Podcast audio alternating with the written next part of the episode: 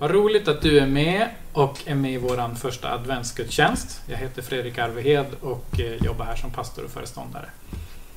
Och jag vill läsa ifrån Matteus 21. Och då står det så här. När de närmaste, närmade sig Jerusalem och kom till Betfage vid Olivberget skickade han iväg två lärjungar och sa till dem Gå till byn som ligger framför er. Där kommer ni genast att hitta ett åsnesto stå bundet med ett föl bredvid sig.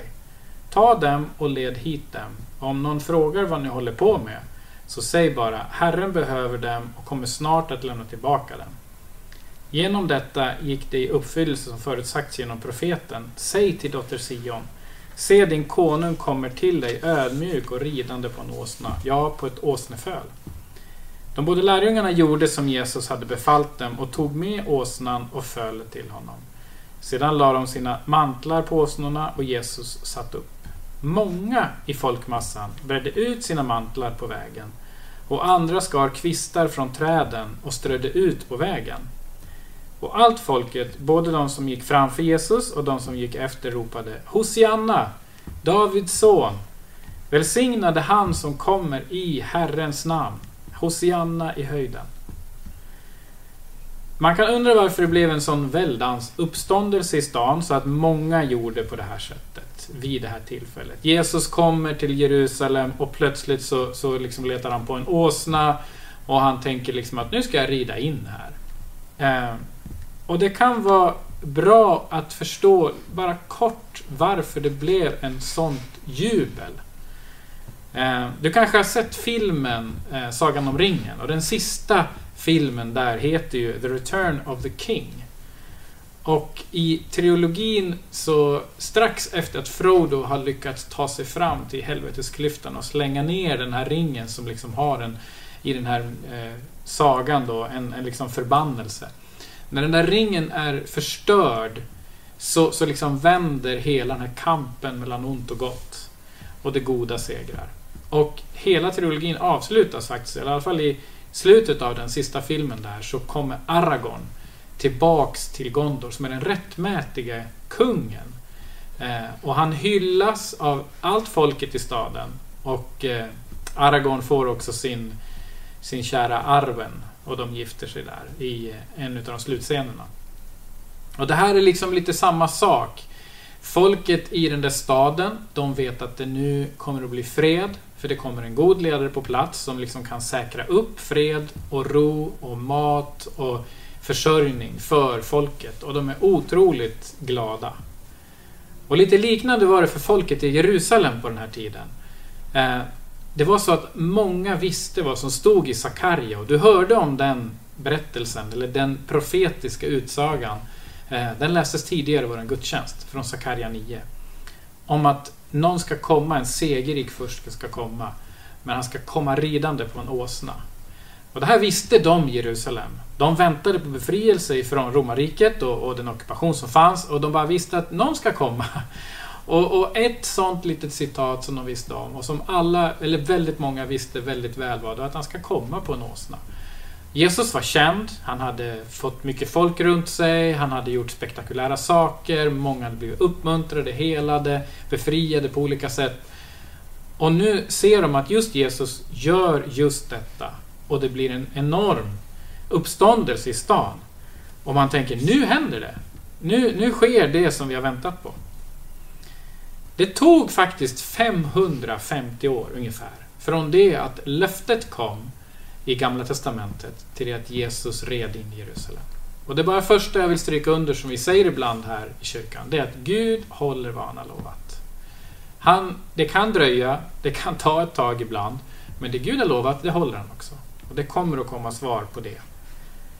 Men så tänker jag så här, vad är det för befrielse som Gävleborna, du som sitter här i Gävle och tittar på det här, vad är det för befrielse som, som vi i Gävle går och väntar på?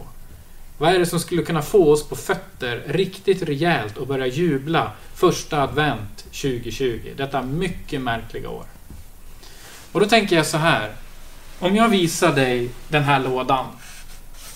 Och så säger jag så här att i den här lådan så har jag ett, ett godkänt vaccin. Ett, ett godkänt vaccin mot covid-19.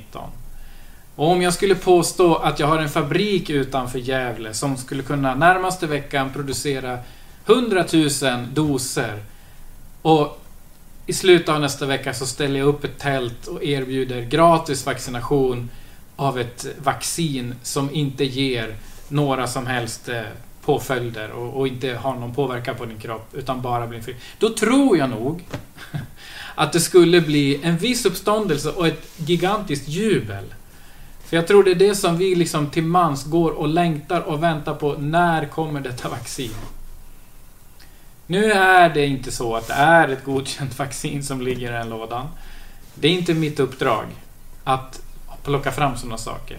Jag ber för att jobbar med det med forskningen och provtagningen och allt detta för att få fram ett bra vaccin. Och jag ber att det också ska få bli ett vaccin som funkar eh, på de allra, allra flesta och att det blir fritt från påföljder. Negativa påföljder. Så jag har inget som helst, jag har stort förtroende för de som jobbar med det. Men det jag har i lådan, det är en, en bok. För jag vet att det som håller oss fångna nu, förutom den, den rena eh, pandemin och, och, det virus som drabbar ett antal människor i vår stad. Och jag känner faktiskt flera på sjukhuset som finns där just nu. Ehm, men förutom den rena sjukdomen så är det väldigt mycket oro, väldigt mycket ensamhet och rädsla som påverkar oss just nu. Och då vill jag påstå att det finns någonting här i den här boken som kan hjälpa oss. Och jag vill slå upp ifrån Matteus 11. Eh, och det här är återigen Jesus som säger någonting. Den här ridande kungen. Han säger så här i, i Matteus 11 och 28 till 30. Då säger han så här. Kom till mig, alla ni som är trötta och bär tunga bördor, så ska jag ge er vila. Gå in under mitt ok och lära mig.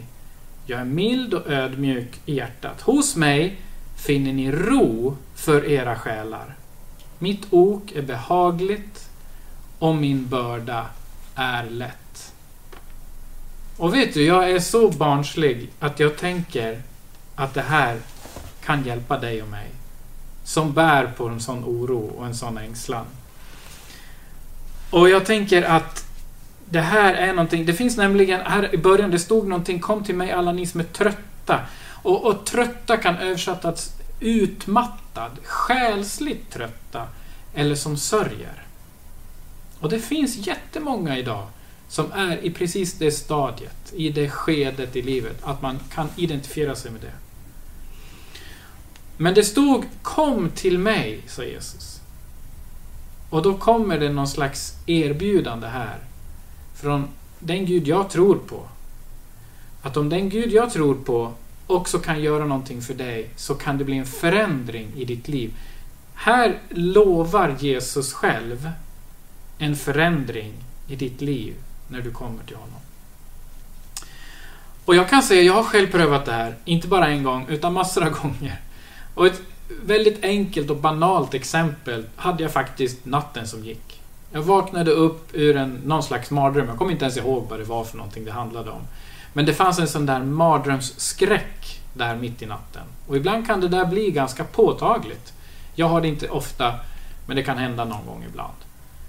Och så bara, Jesus hjälp mig att bli fri i detta. Kom. Kom och ge av din frid. Och så bara... Och jag har varit med om det så många gånger i mitt liv. Och jag, min övertygelse är att det här också kan få gälla för dig. Att du också kan få uppleva det här.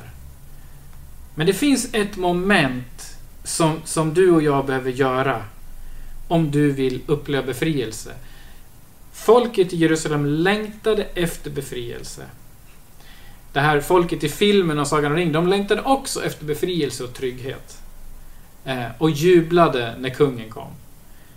Om du vill att Jesus ska komma till dig och rida in i ditt hjärta, då behöver du faktiskt bjuda in honom. I både profetiska eh, orden i Sakarja bok och uppfyllelsen som står om i Nya Testamentet när Jesus kom, så valde Jesus åsnan. Eh, på den här tiden när en kung eller en härskare kom in i en stad då valde de, eh, skulle de visa att de kom med makt och auktoritet och liksom pondus, då valde de den vita hästen. Det var symbolen för makt och överlägsenhet. Men Jesus är en annorlunda kung. Han är en kung för dig och mig, men han väljer en åsna och det är ett tecken på ödmjukhet. Och på precis samma sätt så lovar han där i det jag läste. Gå in under mitt ok och lära mig. Jag är mild och ödmjuk i hjärtat. Jesus är en gentleman och vill få komma in i ditt liv. Inte för att slå dig, inte för att peka på dina fel och brister, utan för att få lyfta av dina misslyckanden, din skam, din ensamhet, din oro och istället ge av sin frid. Och Det här kan låta för bra för att vara sant, men jag kan bara säga, jag har prövat det. I psalm 34 står det Smaka och se att Herren är god. Och det skulle jag vilja få erbjuda dig att också smaka på Kristus Jesus, att han är god. Vill du att han ska få rida in i ditt hjärta, i ditt liv, så föreslår jag att du alldeles strax nu läser med i en bön. Att du läser den tyst. Eller när du sitter hemma och är ensam, läser med den högt. Så att du får vara med och öppna upp ditt liv för en förändring. Därför att min övertygelse är att Jesus vill komma in i ditt liv och ge en förändring som kommer att få ett eko hela vägen in i evigheten. Är du beredd? Är du beredd för en förändring? Vill du att Jesus ska få reda, rida in den ödmjuke kung som, som vill hjälpa dig och lyfta dig? Så läs med i den bön som jag nu läser med dig. Herre, nu öppnar jag mitt hjärta så att du kan rida in. Tack för att du kommer i ödmjukhet. Jag vill öppna mitt liv för att ta emot din räddning. Nu säger jag mitt ja till dig Jesus.